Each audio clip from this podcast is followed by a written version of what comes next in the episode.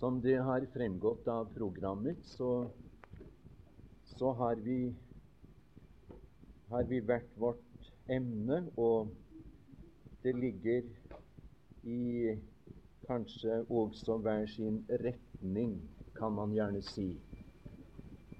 Eh, det som jeg skal prøve å si litt om fra 1. Korinterbrev 15. kapittel, det blir i første hånd mer elementært. Altså mer begynnelsesgrunnene i kristenlivet.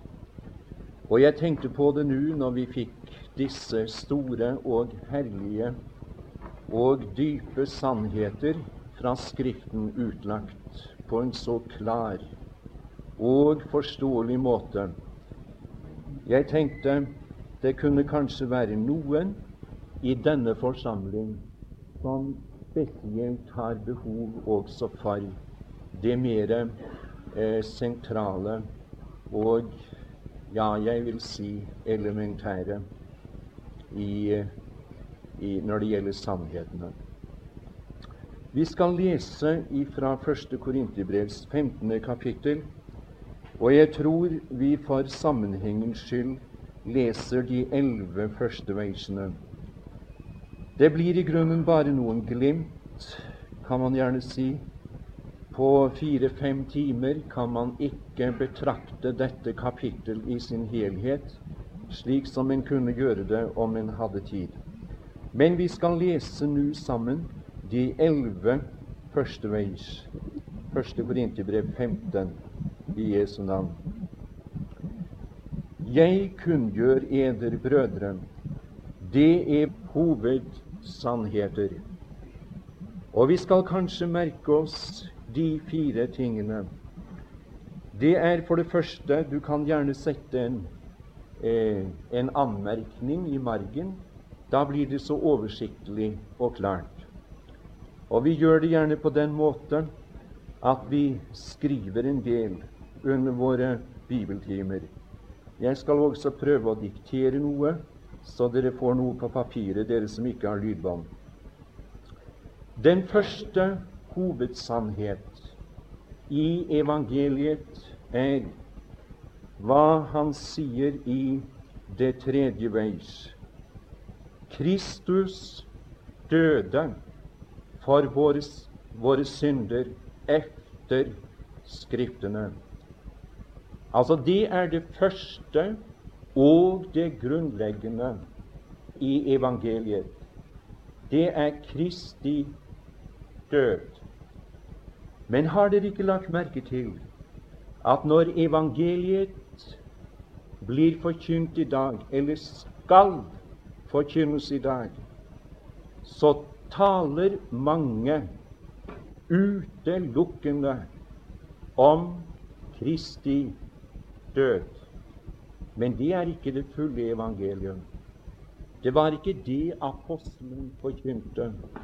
Det var ikke det han overlot disse i Korint. Og det var ikke det som ble brakt videre, og som en dag nådde uh, våre hjerter.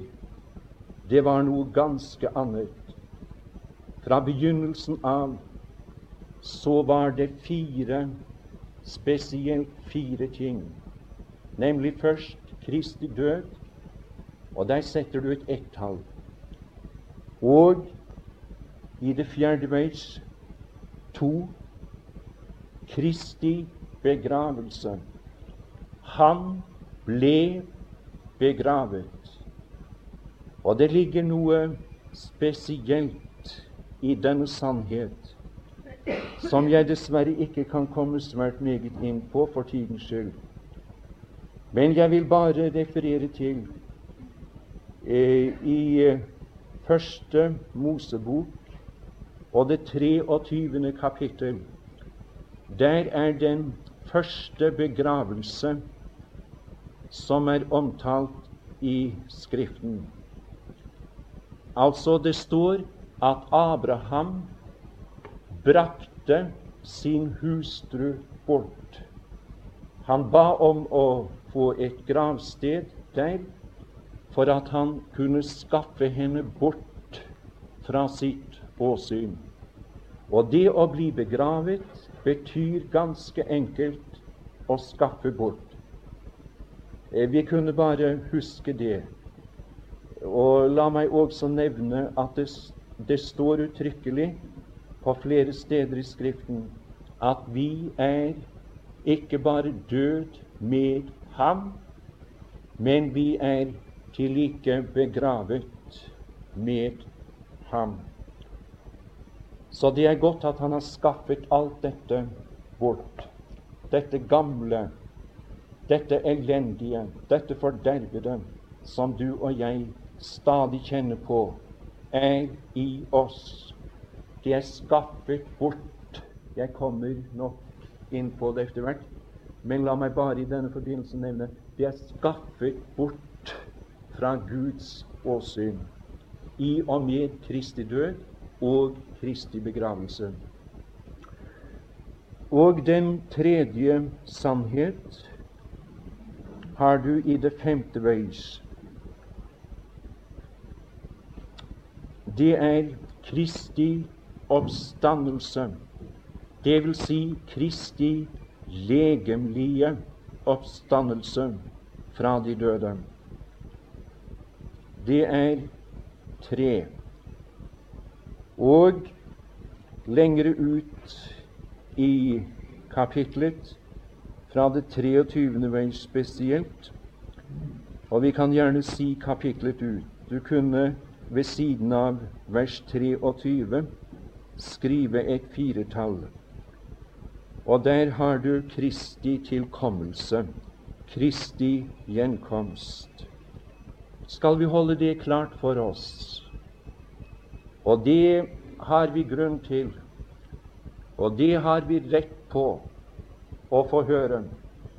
Vi har grunn til å sette det krav og forlange at når evangeliet blir forkynt, så finner vi disse fire sannheter i budskapet. Det er Kristi død, Kristi oppstandelse, eh, unnskyld, Kristi begravelse, Kristi oppstandelse og Kristi gjenkomst. Det er evangeliet. Det som jeg gjerne ville prøve å si litt om i dag, og som har gjort mitt hjerte usigelig godt, det er den første og grunnleggende sannhet. Sannheten om at Kristus døde for våre synder efter Skriftene. Det er en som har sagt at sannheten om Kristi død er perlen i Skriftens sannhetsdiadem. Og jeg tror han har rett. Det er ganske visst ikke noe som jeg vil takke ham så meget for når jeg en dag ser ham som han er, som den tingen at han frivillig ville dø for en synder som meg på Golgata kors. Og skal vi også huske at han døde ikke av legemlig svakhet. Han døde ikke av sykdom. Han døde ikke ved et ulykkestilfelle. Men Skriften sier uttrykkelig han døde fordi han ville dø. Det er i sannhet noe eksepsjonelt ved så vel hans fødsel, hans liv, som hans utgang, hans død. Han døde fordi han ville dø. Det er ingen som har dødd på en sådan måte. Og merk deg, det er ingen som kan dø på en sådan måte som Kristus døde på. Og er det noen som har grunn til å være takknemlig? Og jeg tenkte på det da jeg satt her og hørte på det mektige budskap i dag.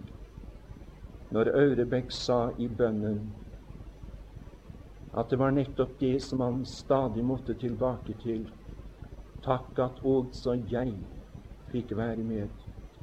At den sannhet også ble levende for meg en dag. Og vi skal se litt på det nå. Han døde, står det, efter Skriftene. Og det betyr naturligvis at hans død var forutsagt. Den var forutsagt gjennom så vel direkte profetier i Gamle testamentet som gjennom forbilder eller typer, skygger, om du vil.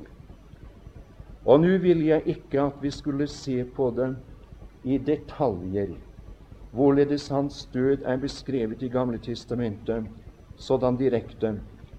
Men eh, det er bare et par forbilder som jeg vil benytte meg av og som jeg tror kan kaste lys over sannheten om hans død for våre hjerter i formiddag. Det første vi skriver, det er romertall 1. Jeg tror det kan være godt at vi har litt orden på sakene, slik at når vi ser over det når vi kommer hjem, så er det oversiktlig og greit. Hva var Kristi første og største hensikt med å dø på Golgata kors? Hva var Kristi første og største hensikt med å dø på Golgata kors? Og det skulle jeg hatt lyst til å fått svar på. Og dere må ha meg det til gode. Dere får riktig unnskylde. Men det er nesten så jeg betviler at alle som er samlet her til denne bibeltime i formiddag, er oppmerksom på hva som var det fornemste, hva, hva det var det første og det største. For ham, eller det han egentlig hadde for øye i første hånd, med å dø på Golgate kors. Hva tror du det var, min venn? Nå kan du få tid til å tenke deg litt om. Svar ikke for raskt. Jeg kunne spørre tror du det var oss han i første hånd tenkte på? Hva? Tror du det var våre behov han i aller første hånd tenkte på. Ja, slik blir det fremholdt. Og vi er så egosentriske og egoistiske at vi tenker faktisk ikke på annet enn våre fordeler, hva vi kan vinne. Men uh, jeg skal si deg, han tenkte på en annen person først og fremst. Har du dvelt ved den tanken? Hans første og største hensikt med å dø, det var å tilfredsstille og behage Gud. Jeg skal si dere, godt folk, på hans program, eller la meg si det slik Hans motto var stadig Gud først. Vil du huske det? Gud først. Så vel i hans liv som i hans død, så tenkte han på Gud skal få ære og herlighet og oppreisning. Og jeg er veldig glad for at jeg har fått noen glimt av denne sannhet. Dette er illustrert for oss i Det gamle testamentet gjennom brennofferet. Brennofferet. Vi taler her om brennofferkarakteren i Kristi død. Og det var det som tilfredsstilte Faderen. Det er det som opptar hans tanker. Og vi kunne der skrive også Brennofferet var det første av de fire hovedoffer som er omtalt i Tredje Mosebok. Brennofferet var det første av de fire hovedoffer som er omtalt i Tredje Mosebok.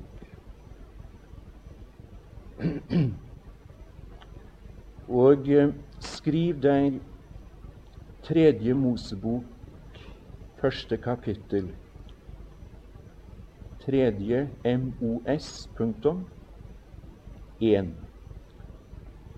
Hebrebrevet 10, 5-7. Og Hebrebrevet 9, 14. Hebrebrevet 10, 5-7 og 9, 14. Er det noe som dere ikke får tak i, så bare spør. Vi tar det ganske fritt og like til her. Det første av de fire hovedoffer som er omtalt i tredje Mosebok. Og vi leser da i Hebrebrevets tiende kapittel fra det femte til det syvende vers. Derfor sier han idet han treder inn i verden Offer og gave ville du ikke ha, men et legeme lavet du for meg. Det er ikke mange ord i Testamentet som jeg er så glad i som nettopp disse ordene her. Og hva ligger det ikke i det som han her sier? idet han treder inn i verden. Offer og gave ville du ikke ha.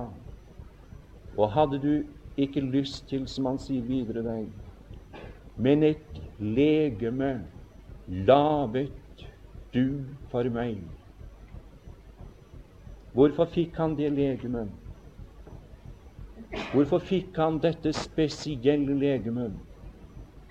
Dette rene og hellige tvers igjennom legemet, som Gud den hellige ånd dannet i jomfruens liv. Jeg skal si deg hvorfor han fikk det. Han sier det gjennom disse ordene i det syvende vers. Da sa jeg, jeg er kommet, å Gud, for å gjøre din vilje. Jeg er kommet for å gjøre din vilje. Det var nettopp det han hungret etter. Det var det han søkte. Det var det som var hans mat mens han gikk her nede. Å gjøre Faderens vilje. Og legg merke til hva det står i, i Hebrebrevets 9. kapittel, vers 14. Hebrebrevet 9 og vers 14. Han som ved en evig ånd bar seg selv frem som et ulastelig offer for Gud. Ikke for oss. Jo, som vi senere skal komme til, det var for oss. Men det var i første hånd for Gud. Det var for å tilfredsstille ham, behage ham. Og på denne jord, hvor Hans høyhellige navn var blitt så vanæret, så skrekkelig krenket, der var det et menneske som både levde og døde av hensyn til Gud først og fremst han skal få det han tilkommer. Det var det han hadde for øyet. Og om du vil skrive et totall der Brennofferet var utelukkende for Herren. Et offer utelukkende for Herren. Det vil si, det var ikke andre som hadde del i det. Når det gjelder matofferet, så fikk Aron sin del, og Arons sønner fikk, fikk sine deler. Men ikke så når det gjaldt brennofferet. Der gikk alt til Gud. Gud fikk alt. Og vi kan ta med Tredje Mosebok første kapittel, vers 9.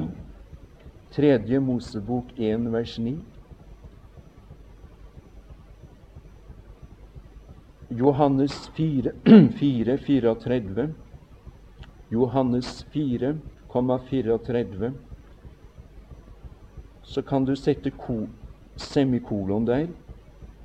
Og 5,30. 5,30. Filippensebrevet 2, 6-8. Esaias 53, 12. Filippensebrevet 2, 6-8. Esaias 53, 12.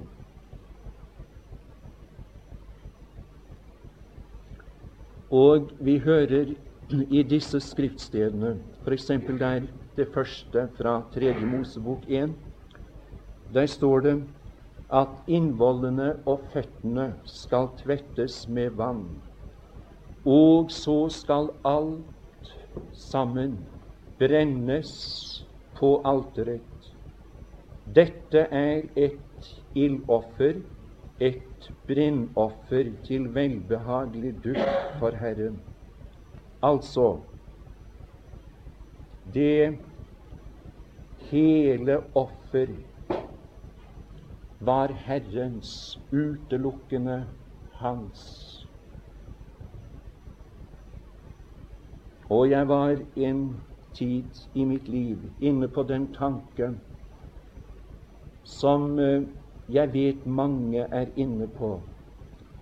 Og jeg takker Gud for at jeg jeg ikke eh, ble helt fortvilet, og jeg holdt på å skulle si ganske ødelagt.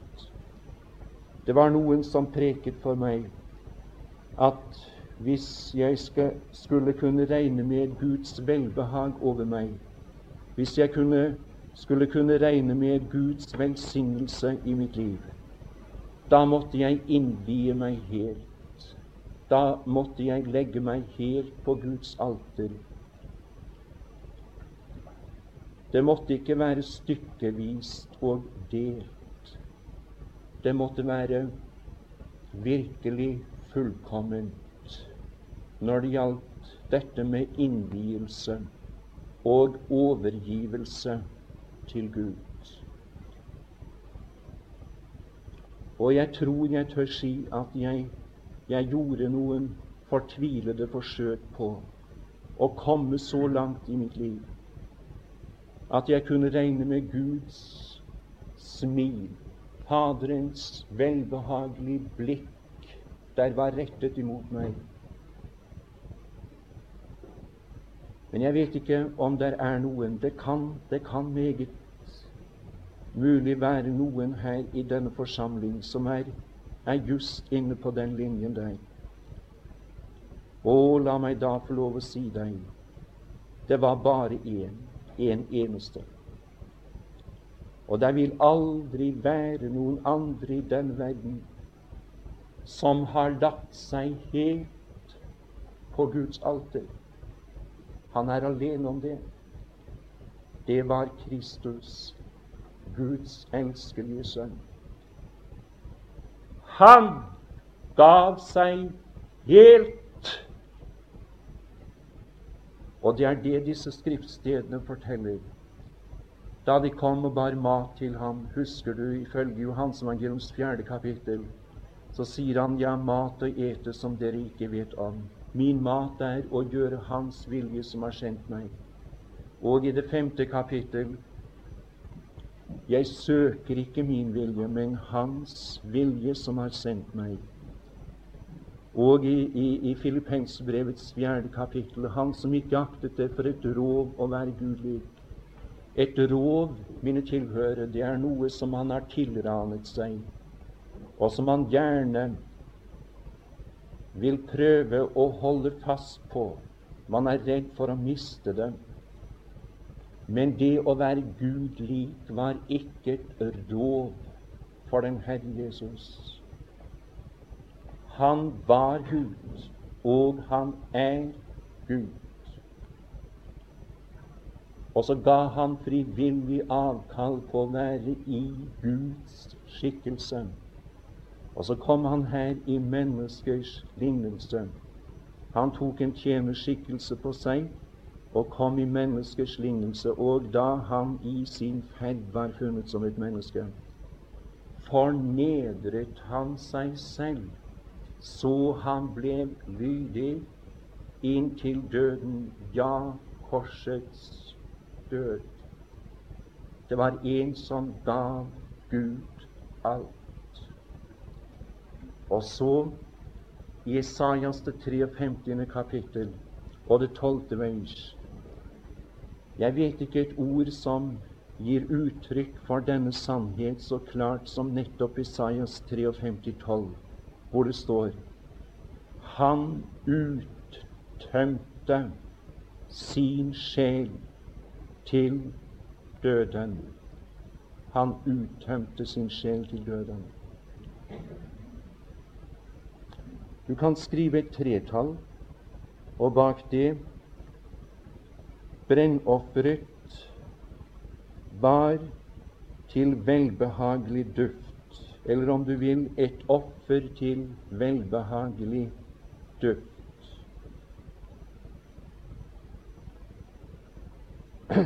Og der tar vi med Johannes evangeliums 10. kapittel, vers 17. Johannes 10, vers 17. Johannes 14, 31. Efesebrevet 5, 2. Tredje Mosebok 1, vers 4. Johannes 10,17, 14,31, Efesebrevet 5,2, Tredje Mosebok 1,4. Og Johannes 10 og det 17. vers, der sier den Herre Jesus Derfor elsker Faderen meg. Er ikke det ganske underlig? Derfor elsker Faderen meg, fordi jeg setter mitt liv til. Det er vel her plass for den tanke elsket ikke Faderen Kristus alltid? Jo, han sier i Johansevangeliums 17. kapittel, vers 24, at han fra evighet av Det svimler jo for oss. Men han sier, 'Du har elsket meg før verdens grunnvoll ble lagt'. Men hør nå. Her er en ny grunn for at Faderen elsker Sønnen. Han gir seg selv, han innvier seg selv. Han ofrer seg fullt og helt på et kors i denne verden. Og så stiger det en velbehagelig duft opp til tronen. Og så står det også i det 14. kapittel og 31. vers for at verden kan skjønne at jeg elsker Faderen og gjør således som Faderen har befalt meg. Stå opp, la oss gå herfra. Og hvor gikk han da? Og han gikk til Golgata.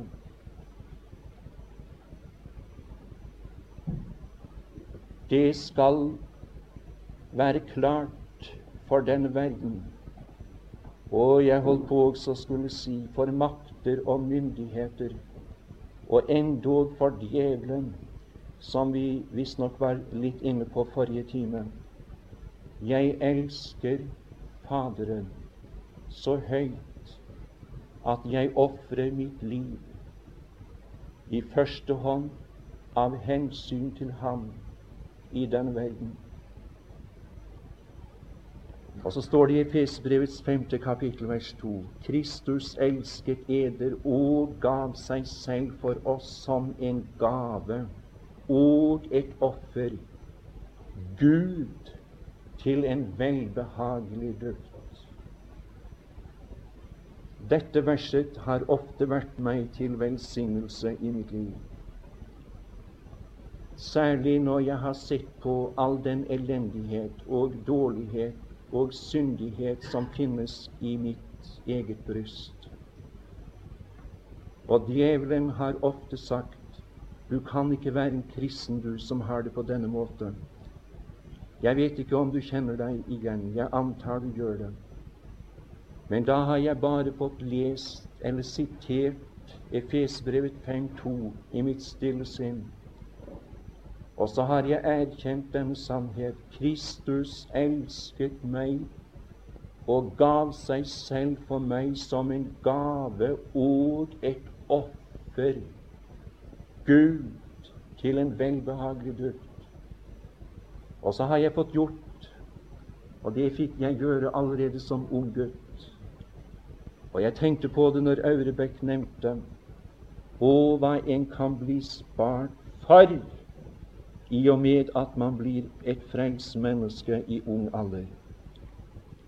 Og det var en dag, en, en, en grå høstdags formiddag, at jeg fikk legge min hånd på brennofferets hode, akkurat som det står der i, i tredje Mosebok og det første kapittel. Jeg la ganske enkelt troens hånd på brennofferets hode. Og så står det der han skal legge sin hånd på brennofferets hode, så skal Herren ha velbehag i det, og la det bli til en soning for ham. Og dette med håndspåleggelse betyr, vil du merke deg det, det betyr fullstendig identifikasjon. Den ofrende ble gjort til ett med offeret i og med at han la sin hånd på offerets hode og en dag i mitt liv. Og det er sant også for deg, enten du ser det eller ikke, enten du har erkjent det eller ei, enten du lever i det eller, eller du ikke lever i det når det gjelder din erkjennelse. Det er like fullt sant.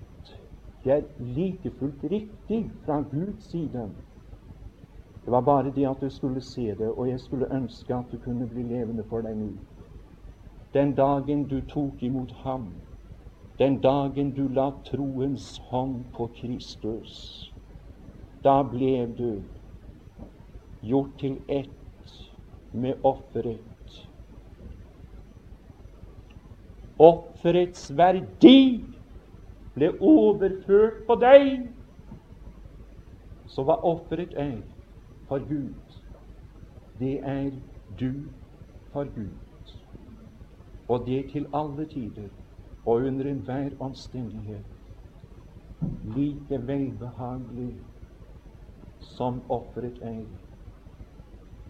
Det svimler for meg, og det er ingenting i hele Skriften som betyr så meget for meg som nettopp den sannheten der. For det var det som hjalp meg, det var det, det, jeg fikk se da jeg var i min dypeste nød. Og det er det jeg skal forkynne, det er det jeg skal utbasunere fremfor noe annet rundt om iblant det norske folk. Det er det de unge trenger, venner. Å se. Og så skal, skal Bibelen også åpne seg. Så skal det bli interesse for for det som hører Herren til. Og så skal man pleie omgangen med Gud. Hvordan kan man pleie omgangen med Gud når man har den oppfatning av Herren at han er vred? Han er misfornøyd. Han er utilfreds. Han er stadig skuffet over meg og mitt liv. Hvordan kan man omgås en sådan person? Det er komplett umulig, min venn, at du kan omgås Gud hvis du ser sådan på ham. Nei, hør. Du la en dag, ikke sant, troens hånd på Kristus. Du sa, 'Jeg kommer som jeg er'. Jeg tar imot deg, Herre Jesus, med all din nåde og gave. Og fra det øyeblikk av så, så er du identisk med offeret. Om denne tanke kunne gripe noen for første gang, om det bare var én, så var det vel verdt at vi hadde dette bibelkurset. Så stort ser jeg på dette. Gud først.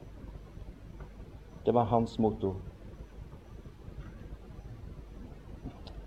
Så kommer vi til romertall to, men ja, jeg kan vel holde på en stund enda.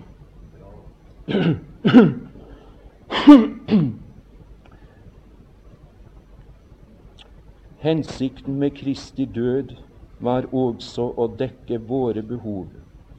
Hensikten med Kristi død var også å dekke våre behov. Men vi skal legge merke til at det kommer som nummer to, og det er jeg veldig glad for. Jeg tenkte lenge i mitt liv det var det første, og det var det største og fornemste. Det var våre behov. Men å, venner, jeg skal si deg, tenk litt over det. Før han dekket våre behov, så hadde han fullt ut dekket Faderens behov og tilfredsstillet og behaget ham. Det er brennoffer. Det er brennofferkarakteren ved Kristi død. Det er den side som djevelen prøver å skjule. Så de som forkynner Guds ord i vårt land i dag, de preker det praktisk talt aldri. Ja, jeg ber ikke om unnskyldning for at jeg sier det, for det, for det, er, en, det, det er slik. Nei, venner, han, han tilfredsstilte Gud før han tilfredsstilte oss. Men skulle han kunne tilfredsstille oss, da måtte han ikke bare være et brennoffer, men også et syndoffer. Et syndoffer. Og det står som det fjerde i rekken i, i Tredje Mosebok. Og jeg forstår det slik. Jeg har lest en god del om dette. Men jeg forstår det slik at syndofferet og skyldofferet er nær beslektet. For ikke å si vi har praktisk talt de samme sannheter fremstillet gjennom de to ofrene. Det er fire hovedoffer. Legg merke til det i, i, i Tredje Mosebok. Fire hovedoffer. Det er brennofferet først, så har du matofferet, takkofferet, syndofferet og skyldofferet.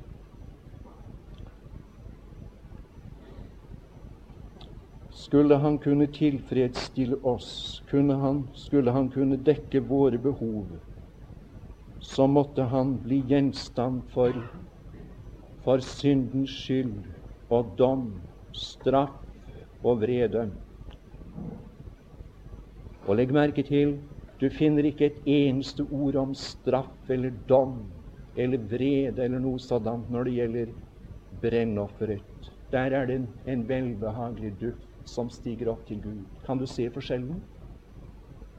Ikke dom deg.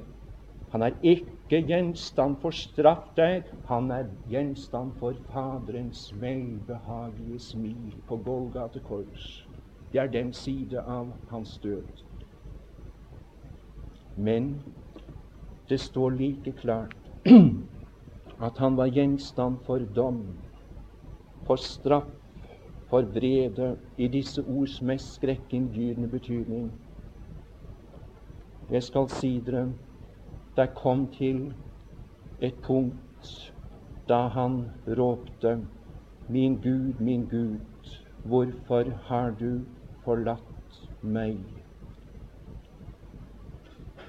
Da hvilte dine og mine synder på ham. Og da måtte Gud Han sa ikke 'min Fader, min Fader'. Legg merke til det. Nei, her hadde han med Gud å gjøre. Hvorfor? Fordi han representerte synderen. Han representerte synderen. Derfor sa han, 'Min Gud, min Gud, hvorfor har du forlatt meg?'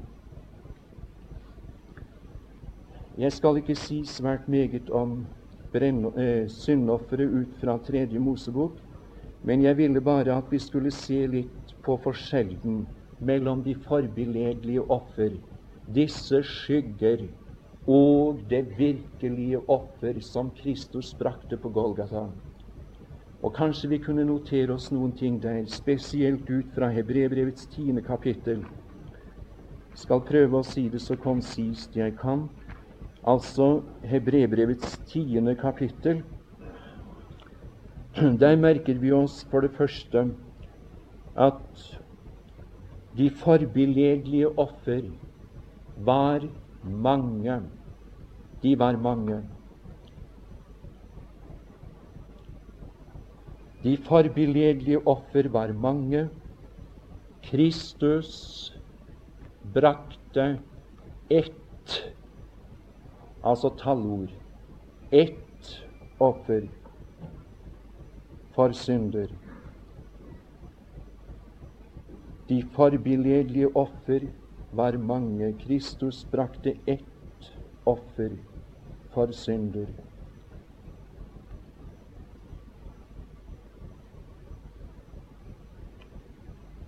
Det står her for da loven bare har en skygge av de kommende goder, men ikke selve bildet av tingene, så kan den aldri ved de offer som de hvert år alltid på ny bærer frem, gjøre dem fullkomne som kommer frem med dem.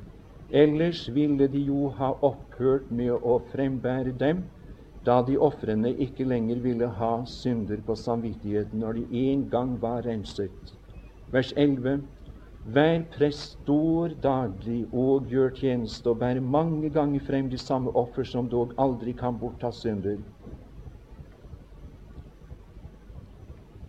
Men han Legg merke til det. Men han har frembåret ett offer. Og jeg er glad for at det står han døde én gang for synderen. Han har frembåret ett offer for synder og har deretter for alltid satt seg ved Guds høyre hånd. Det var nok med det ene offer. Han skal aldri behøve å reise seg for å bringe et nytt offer for synder. Det er tilstrekkelig med det ene. Neste gang han reiser seg, som vi senere skal se, så er det en ganske annen hensikt enn å være syndoffer. Han skal åpenbare seg uten å være syndoffer, står det i, i Hebrevets 9. kapittel 28. vers. Uten å være syndoffer. Det var nok med det ene offer. Så han, når han kom hjem til, til Faderen, så sa Faderen til ham, min sønn, ta plass, sitt ned, hvil deg på et fullendt verk. Og jeg kom til å tenke på det nå en dag nede i København. Det var forresten en aften jeg sto og talte der. var vår, vår kjære venn så mange ganger sa eh, Jeg tenker på, på Bjerkreim. Han sa det så mange ganger i denne forbindelse, husker jeg. Når han ser syn på å sitte kan ikke også du da sitte? Det var noenlunde slik. Jeg kan jo ikke si det på den måte som Bjerkreim kunne si det. Men eh, jeg tror det er nokså ordrett, i hvert fall dette. Når han kan sitte og hvile på et fullbrakt verk Det er avsluttet! Det er fullkomment! Og jeg jeg, jeg, leste det på det, det, forrige bibelkurset vi var på på Villsundstrand. Det var forresten et veldig godt kurs. Syndere lot seg frelse. Og intet er større enn det. Det skulle jeg ønske måtte bli resultatet også av dette kurset. At noen ble frelst. Det kan være noen som sitter her i dag, som ikke er sikker på den, denne sak. Og du må ikke gå ut fra denne bibeltime før du har dette klart. Men det var det som ble så levende for meg en dag. Jeg leste de tre ordene 'Det er fullbrakt'. Det er fullbrakt. Aldri har jeg sett det som jeg så det den dagen. Hør nå, min venn, hva som er fullbrakt. Alt er fullbrakt fra du, fra du starter ved gjenfødelse, til du er herliggjort, forvandlet, til du er hjemme i herligheten og er blitt ham lik. Det var det som var fullbrakt. For den som tror. Det er fullbrakt! Ja, Gud være takk. Slik forholder det seg. Om jeg kunne se det. Og når Unnskyld at jeg gjentar. Men det er min gode venn, venns ord, og en mann som har betydd mer for meg enn, tror jeg, noen andre i denne verden. Jeg siterer Når han kan sitte, kan ikke også du da sitte? Kan du ikke benke deg ned? Kan du ikke regne med dette? En ting til, om du vil skrive Ved de mange offer kom en stadig minnelse om synder. Ved de mange offer kom en stadig minnelse om synder. Det står i det fjerde vers i Hebrevbrevet 10. For ved dem kommer hvert år en minnelse om synder. Men les det 17. veis. Og deres synder og deres overtredelser kommer jeg, eller ja, vil jeg ikke mer komme i hu. Og deres synder og deres overtredelser vil jeg ikke mer komme i hu.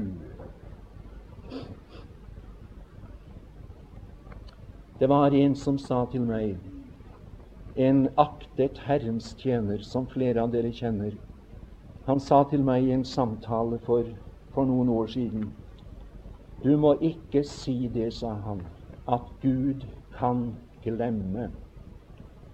For det er ikke riktig. Du kan skjønne, det holder ikke.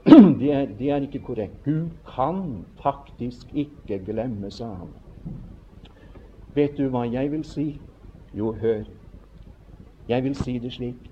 Det er guddommelig å glemme. Jeg vet ikke om du får tak i tanken. Det er guddommelig å glemme. Det vil si, det er bare Gud som kan glemme. Det er ganske umulig for oss. For oss forholder det seg slik at vi, vi, glemmer det vi burde huske, og vi husker det vi burde glemme. Ikke sant? Men om ham er det sant. Han glemmer min synd der ved Golgatas kors. Han glemmer min synd, men erindrer meg.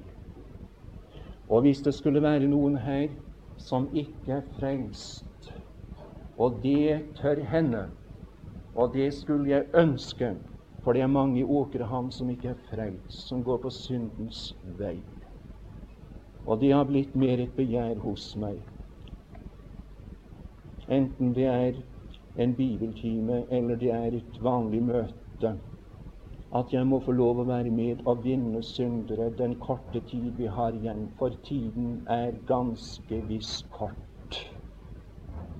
Vi har ikke svært lang tid å gjøre på. Og må det bare ikke bli slik, venner, at vi sitter her og koser oss over det som,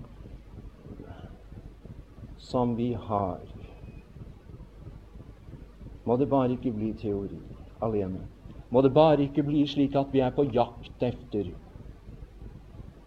bare det som, som er noe ekstraordinært, noe som Og må det bare ikke bli slik for oss som forkynner ordet, at vi absolutt skal si noe som ingen andre har sagt. Jeg var inne i den gaten en gang. Det kan du være viss om, min venn. Jeg var inne i den gaten en gang. Det skulle være noe ekstra når jeg skulle si det. Og så preket jeg om noe som, som naturligvis forsamlingen absolutt ikke kunne forstå, for jeg forsto det ikke selv.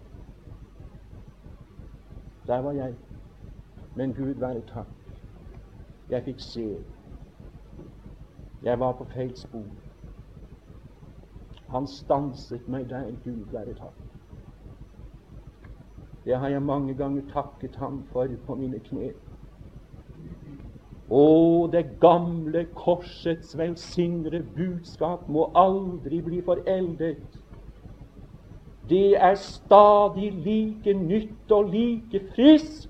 Det kan frelse en sjel her i denne stund. Han var et syndoffer for å dekke ditt behov, min venn. Og hva har du behov for?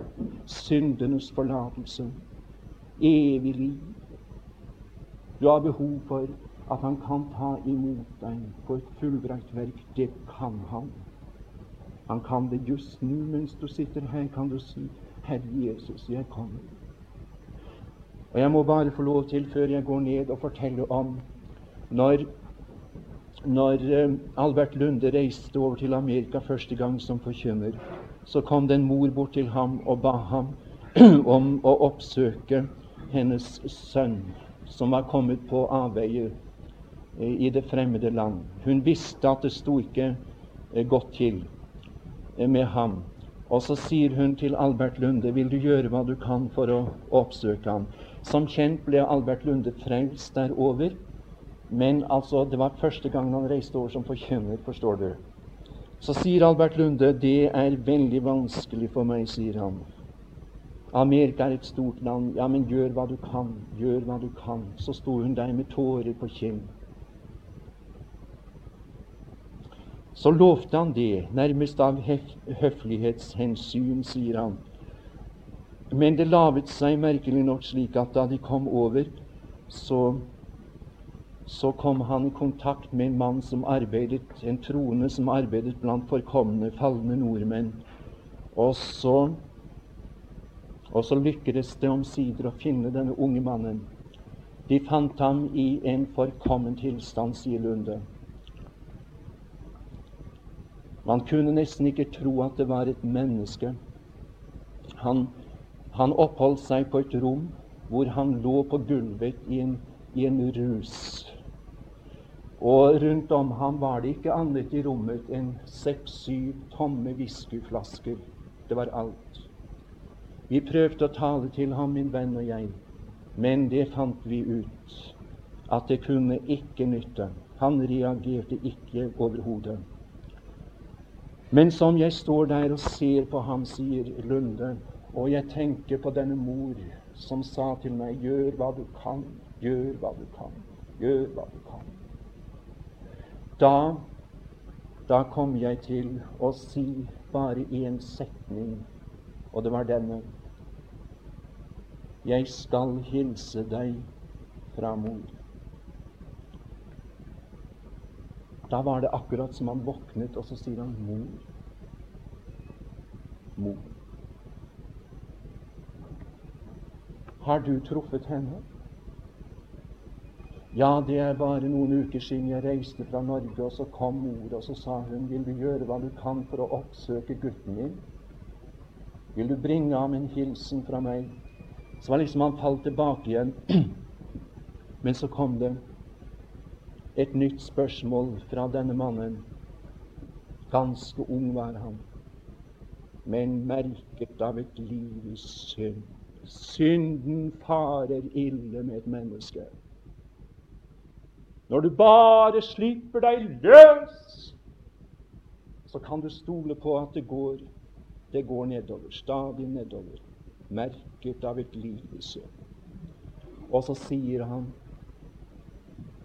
Lunde, eller jeg vet ikke om han sa det, men han sa i hvert fall Si meg, hva, hva sa mor? Hva sa mor? Det er ganske forunderlig med det ordet. Det kan nesten røre en stein, holdt jeg på å skulle si. Det ordet mor. Det har en forunderlig klang, det. Det når inn det til hjertet, det. Hva sa mor? Jo, sier Lunde, hun sa Hils ham med de ordene om han bare vil komme hjem så skal alt være tilgitt og glemt om han bare vil komme hjem. Om han bare vil komme hjem. Er det noen her i formiddag? Og vi bryr oss ikke om at det er bibeltimen. Jeg gjentar, det er ikke det. Det er ikke prekenen, det er ikke vitnesbyrdet, det er ikke dette med, med formelen og alt dette ytre, men det er sjeles frelse det gjelder i Åkrehavn i dag. Enten du er her i møte, sukk for de som er hjemme, min venn. Jeg skal si deg det, det, det ble ordnet med billett for den unge mannen. Han ble transportert holdt jeg på å skulle si, hjem til Norge, og han møtte mor, og mor fikk ønske ham velkommen hjem. Og om der i himmelen kunne skrives et nytt navn i lammets bok, i livsens bok hos lammet i formiddag, skal vi ikke be om det, venner. La meg få lov å gi deg den siste tanken jeg har akkurat i denne forbindelse. Alle offer i Det gamle testamentet forholdte seg sådan med Hør nå. Alle offer i Gamle testamentet forholdte seg sådan med. Det var ilden som fortærte offeret. Du finner ikke et eneste sted uten at det forholdt seg sådan.